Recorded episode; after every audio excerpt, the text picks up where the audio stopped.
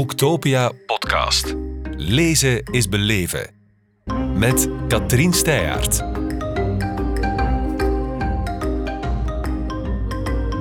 Welkom, Margie Woodrow op Boektopia in Kortrijk. Dankjewel. Je bent hier met je boek Shame on You, Ja, een jeugdthriller. ja. Schaamte is een zeer sterk gevoel. Is het iets waar je zelf eh, soms last van hebt? Of eh, hoe Oh is, het, ja, is hoor. het daaruit gegroeid? Ehm, nee, nee, nee, want de titel betekent dat wel, hè? eh, shame on you. Maar eh, ja, ik ken ook wel schaamte. En het is geen fijn eh, gevoel. En ehm, ik bedoel er ook mee te zeggen, spijt komt vaak te laat. En eh, die twee dingen, spijt, schaamte, vermengen zich in shame on you. Ja. In welke zin? Kan je het iets concreter maken? Het is natuurlijk moeilijk om over Ja? de thrillers te praten zonder te spoilen. ja, hè? zonder te moeilijk, maar we gaan toch de mensen een beetje proberen teasen. Ja, ja, precies. Eh, nou, het gaat over een eh, groepje jongeren, een vriendengroepje. Ze gaan in een huisje op Centerparks. eh nou, denken ze lekker te relaxen. Nou, oké. In ze te willen- breken, hè, voor alle Ja, duidelijkheid. in te breken, precies. Ze, wilden, ze willen er niet voor te betalen. En de een doet dat makkelijker dan de andere. Maar dan komen ze al snel achter dat iemand... en ze weten niet of het iemand uit de groep is of van buitenaf... vindt dat ze zich dood moeten schamen voor iets. Er is iets gebeurd, ze hebben iets gedaan... Eh, ja, en diegene eh, is gekwetst, heeft er pijn van. En nee, ik kan niet precies zeggen wat het dan is, want dat Nee, zou dat zou echt te zonde jammer zijn. zijn. Maar het gaat erom ehm, dat een, een grapje is zo gemaakt of iets is zo online gezet en achteraf denk je misschien, oh, eh, heb je niet nagedacht eh, of een ander dat wel oké vindt of eh, fijn. Of dat het juist heel kwetsend eh, is geweest. Ja. Daar heeft het mee te maken. Schrijf je bewust over dat soort dingen? Over waardoor tieners die het lezen zich misschien ja, toch een beetje grotere, ja, een groter besef krijgen hoe kwetsend zoiets kan zijn? Nou, kijk, aller- allereerst eh, schrijf ik echt om mijn leesplezier te vergroten. Daar doe ik echt heel erg mijn best voor. Dat jongeren, eh, ja, om jongeren over te halen, eh, toch echt lekker te gaan lezen. Dus dat kan met een spannend verhaal en met herkenbare onderwerpen, Mhm. herkenbare jongeren. Maar ik geloof wel heel erg in ehm, dat je oké bent voor elkaar. En ehm, ja, dat je elkaar geen nare dingen aandoet. En ja, ik zoek wel naar onderwerpen. Ehm, ja, en dan hoop ik dat jongeren achteraf denken van... oké, zo wil ik niet met een ander omgaan. En misschien ga ik Mhm. net een beetje aardiger tegen die, of, die jongen of dat meisje Mhm. doen. Eh, ja, dus Geloof je niet dat dat in een goed weglezend boek, dat zo'n boodschap misschien zelfs nog beter aankomt dan als je dat gewoon zo tegen hen zou zeggen van ja, dat doe je beter niet? Ja, dat, dat weet ik wel zeker. Ja, ja. Tuurlijk, met, via een gesprek. Ik ben juf geweest. Ah, en ja. Via een goed Mhm. gesprek. Maar eh, ook wel door het kijken naar een film of het voorlezen of het lezen van Shame on You.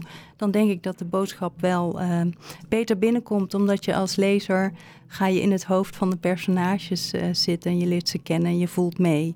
En zelfs ook met de dader. Mhm. Althans, dat hoop ik dan. Ja. Betrap jij jezelf als schrijfster dan soms nog op eigen onvolkomenheden als het dan over die thema's gaat? Van, oh, ik maak me er soms ook schuldig aan. Of bijvoorbeeld bij het schrijven van Shame on You, kreeg je zo zelf een soort spiegel voorgehouden? Nee, dat kan ik niet zeggen. Nee, nee, nee. Want zoiets als eh, in Shame on You gebeurt. eh, eh, nee, het is juist iets dat het mij heel erg raakt. Dat Hmm. deze dingen gebeuren.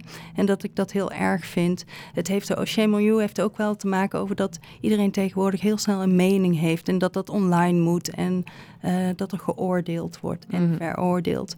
En ehm, ja, dat raakt mij. Dat vind ik erg, die ontwikkeling. Dus dan eh, ja, wil ik daar iets, iets mee in een verhaal. En nee, ik heb mezelf niet betrapt. Ja, nou, ik was wel, ik ben wel impulsief als een kip zonder kop. Dus ik zou zeker in zo'n huisje zijn gaan zitten. Ja. En eh, ik heb echt wel in mijn jeugd dingen uitgesproken waar ik niet heel trots op ben. Maar dat had niet te maken met het kwetsen van een ander. Nee, Nee. dat was meer met regels breken. Ja, Lees ik dan Ja, een beetje de regels. de, de, de maatschappij Ja. schoppen. Maar nee, nee, nee. Wat er ook gewoon bij hoort als Denk het ook, ja. Maar hier in dit verhaal ja, wordt het, loopt het eigenlijk uit de hand wat iets onschuldig, een onschuldige vorm van rebellie zou kunnen zijn, Ja. wordt veel meer. Ja. Doordat er iemand in het spel is, ik let op mijn woorden, Ja. die, eh, die inderdaad vindt dat ze zich moeten schamen. Nu, iets heel bijzonder aan het boek, want ik wil het er toch graag nog even over hebben, is dat ehm, er zitten ook bladzijden in met QR-codes. Ja. En als je die gaat scannen, dan krijg je een soort mysterieus filmpje te zien waar een mysterieuze stem voorleest wat er op die pagina staat. Precies, ja. Heel dat bijzonder. is dus de, de dader, hè, degene die achter het hele gedoe zit. Eh, ja, ik ben altijd op zoek naar nieuwe dingen. Ehm, dus ik dacht, ik wil eh, kijken of lezen met kijken afwisselen. Dus eh, ja, laat ik er filmpjes in het verhaal stoppen. En ik bezoek heel veel scholen Mhm. tijdens het schrijven door. En jongeren geven dat ook aan. Want laten we niet ontkennen dat, dat er eh, ontlezing is en dat het plezier afneemt. Dus ik zoek dan naar dingen die het plezier weer vergroten. Zo komt er binnenkort mijn, de eerste crime podcast voor jongeren. Oh, wauw. Ja, dus niet een gesprek, hè, fijn gesprek Ja. zoals wij hebben, maar ja, je volgt via de podcast, eh een soort luisterspel. eh, wie heeft Chloe vermoord? Oké. Een foutfeest. Mhm. ja, En dat is ook een idee wat ontstaat tijdens zulke klasbezoeken? tijdens klasbezoeken. Maar ja, ik denk er zelf eh, ook wel heel erg over na. Van wat, wat kan ik nu doen? En ja, ik ben ook wel nieuwsgierig. Ik wil ook graag nieuwe dingen hoor. Dus dat zit er ook in. Mhm. Ehm, en ja, Shame on You wordt vanuit een jongen en een meisje verteld. En eh, mijn zoon Mickey is Ja? inmiddels 19. Die neemt de jongenshoofdstukken op zich. En Hij schrijft ze. Hij schrijft ze, met name de dialogen, vandaar ook de straattaal die je tegenkomt. Dat is van zijn hand. Ehm, en ja, en hij eh, kwam ook wel met eh, dat filmpjes-idee. Om dat, eh, Maar hoe gaat zoiets dan? Eh, Want ik vermoed, jij bent de schrijfster, jij hebt het overzicht, dat je dan toch Ja. wel een bepaald kader meegeeft van je moet binnen deze scène of dit soort setting gaan Ja, schrijven. Tuurlijk, tuurlijk. We, we de- denken eerst het hele verhaal uit. Hè, Oh ja, dat gebeurt ook samen. dat gebeurt samen. Ja. Ehm, ik kies wel het onderwerp, om de, hè, om Ja. wat ik net zei, van het moet me raken. En eh, ja, hij brainstormt mee. Mhm. En ja, zo komen we tot een plot. En ik, ik maak wel de hoofdstukindeling. Zo van, nou, eh, nu gaat eh, hij of zij dit doen. Ja. En, eh, maar ja, dan vraag ik aan Mickey van, hoe, hoe zal dat dan gaan? En dan begint hij. En tuurlijk, ik ben de schrijver en de hoofdverantwoordelijke. Ja. Dus het is niet zo ja, dat hij die eh, hoofdstukken alleen in, in zijn eentje maakt. Nee, maar ik kan me inbeelden dat zijn, dat is een kruisbestuiving. Ja. Die zullen elkaar toch naar grotere hoogte tillen. Zo voelt het wel. En eh, ja, zo is het eigenlijk ook wel. Ja, hij is best wel kritisch op mij, hè, wat ik dan maak. En, eh, maar op een positieve manier hoor. Maar ja, dat. Eh Maar hij versterkt wil zijn naam niet op de flap, begrijp ik. Hè? Woodrow is zijn naam. Ja, maar Mickey, ja, Mickey vinden we toch niet terug, hè? Nee, want toen ik begon was hij acht jaar. En inmiddels is hij 19. Oké, maar Dus, eh, heeft hij nooit eh, de aandrang gevoeld om te zeggen, ja, maar zet mij toch ook maar op de cover? Ik heb dit tenslotte meegeschreven. Nee, nee, dat heeft hij helemaal niet. Toen wij de prijs van de jonge jury wonnen Mhm. met Fake Trip, toen verscheen hij wel in beeld. Ja. En, maar nog wees hij zo van naar mij. Maar eh, nee, nee. Hij Bescheiden hoeft, jongen? niet, hij hoeft niet in de schijnwerpers. Nee, nee. Oké.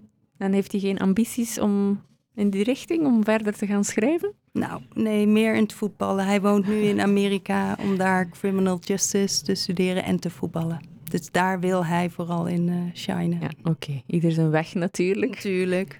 Jij bent, zoals je zei, begonnen als juf in het wat wij hier, denk ik, zesde leerjaar noemen, groep 8. Ja. Ehm, hoe komt het dan dat je bent beginnen schrijven? Ja, hoe, eh, hoe ben ik begonnen? Kijk, ik, ik, ik vond schrijven altijd heel leuk. Ik wilde heel graag naar de school van journalistiek. Mhm. Eh, maar ik werd uitgeloot, dus ik had pech. En eh, nou, toen ben ik juf geworden. En dat was vanaf minuut één echt wel mijn droombaan. Ik vond dat heel erg leuk. Wel de oudere kinderen. Ehm, ik vertelde ze vaak verhaaltjes over wat ik uitspookte met mijn HAVO 4-klas. Mhm. Uh, skelettenrace door de school of op het dak klimmen voor de piepjestest van Grim. Echt, Ja. ja. dat is mijn kip zonder kop gedrag Ja. geweest. En mijn eh, groep achters, die smulden daarvan. Eh, nou, en Mickey die heeft zijn eerste jaren in het ziekenhuis doorgebracht. Oei. Dat was een hele eh, verdrietige tijd, maar de brieven van mijn leerlingen maakten heel veel goed. Alleen ik kon niet echt brieven terugschrijven, want ja, wat was maakt, te je triest. maakt daar meer Ja. zielige dingen Mhm. mee. En toen dacht ik, oh, ik ga die verhaaltjes die ik normaal vertel als avontuurtjes opschrijven.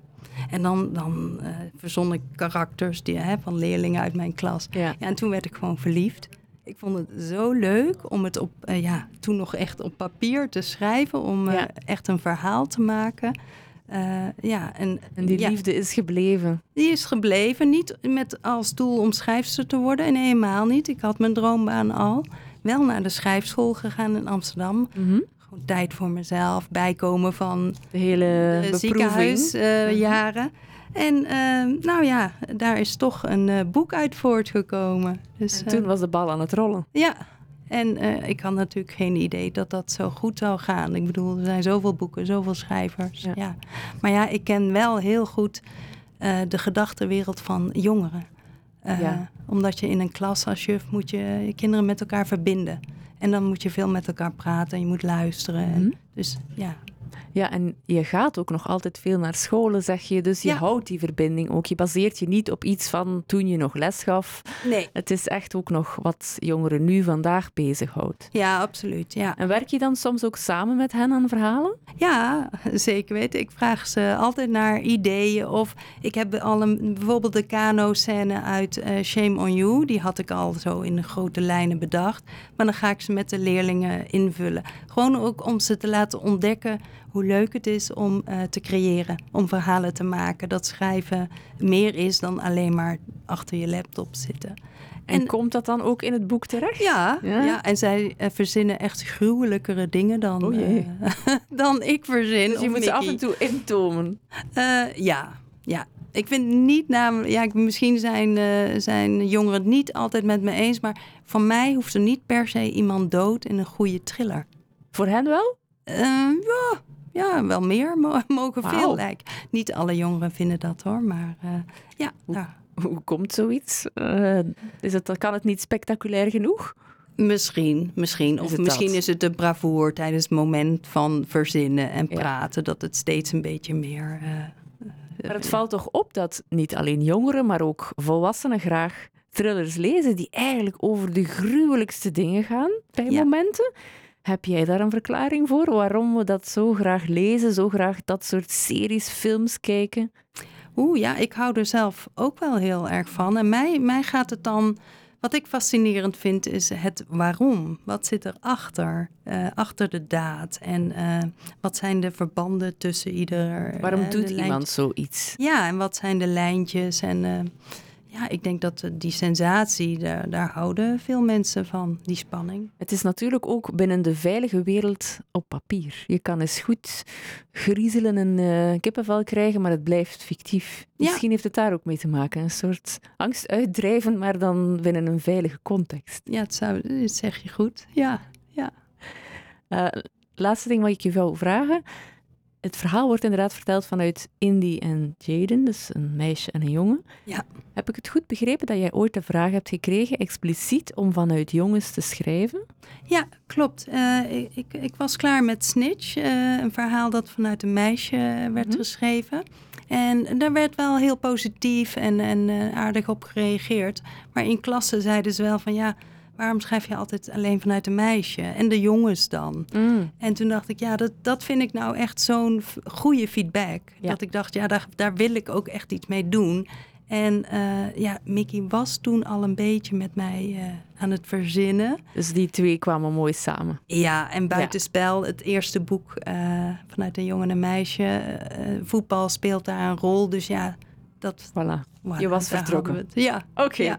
Ik kan je alleen maar nog veel meer mooie verhalen en boeken toewensen. En heel erg bedankt voor de komst. Margje Woerdero. jij ook, dank je.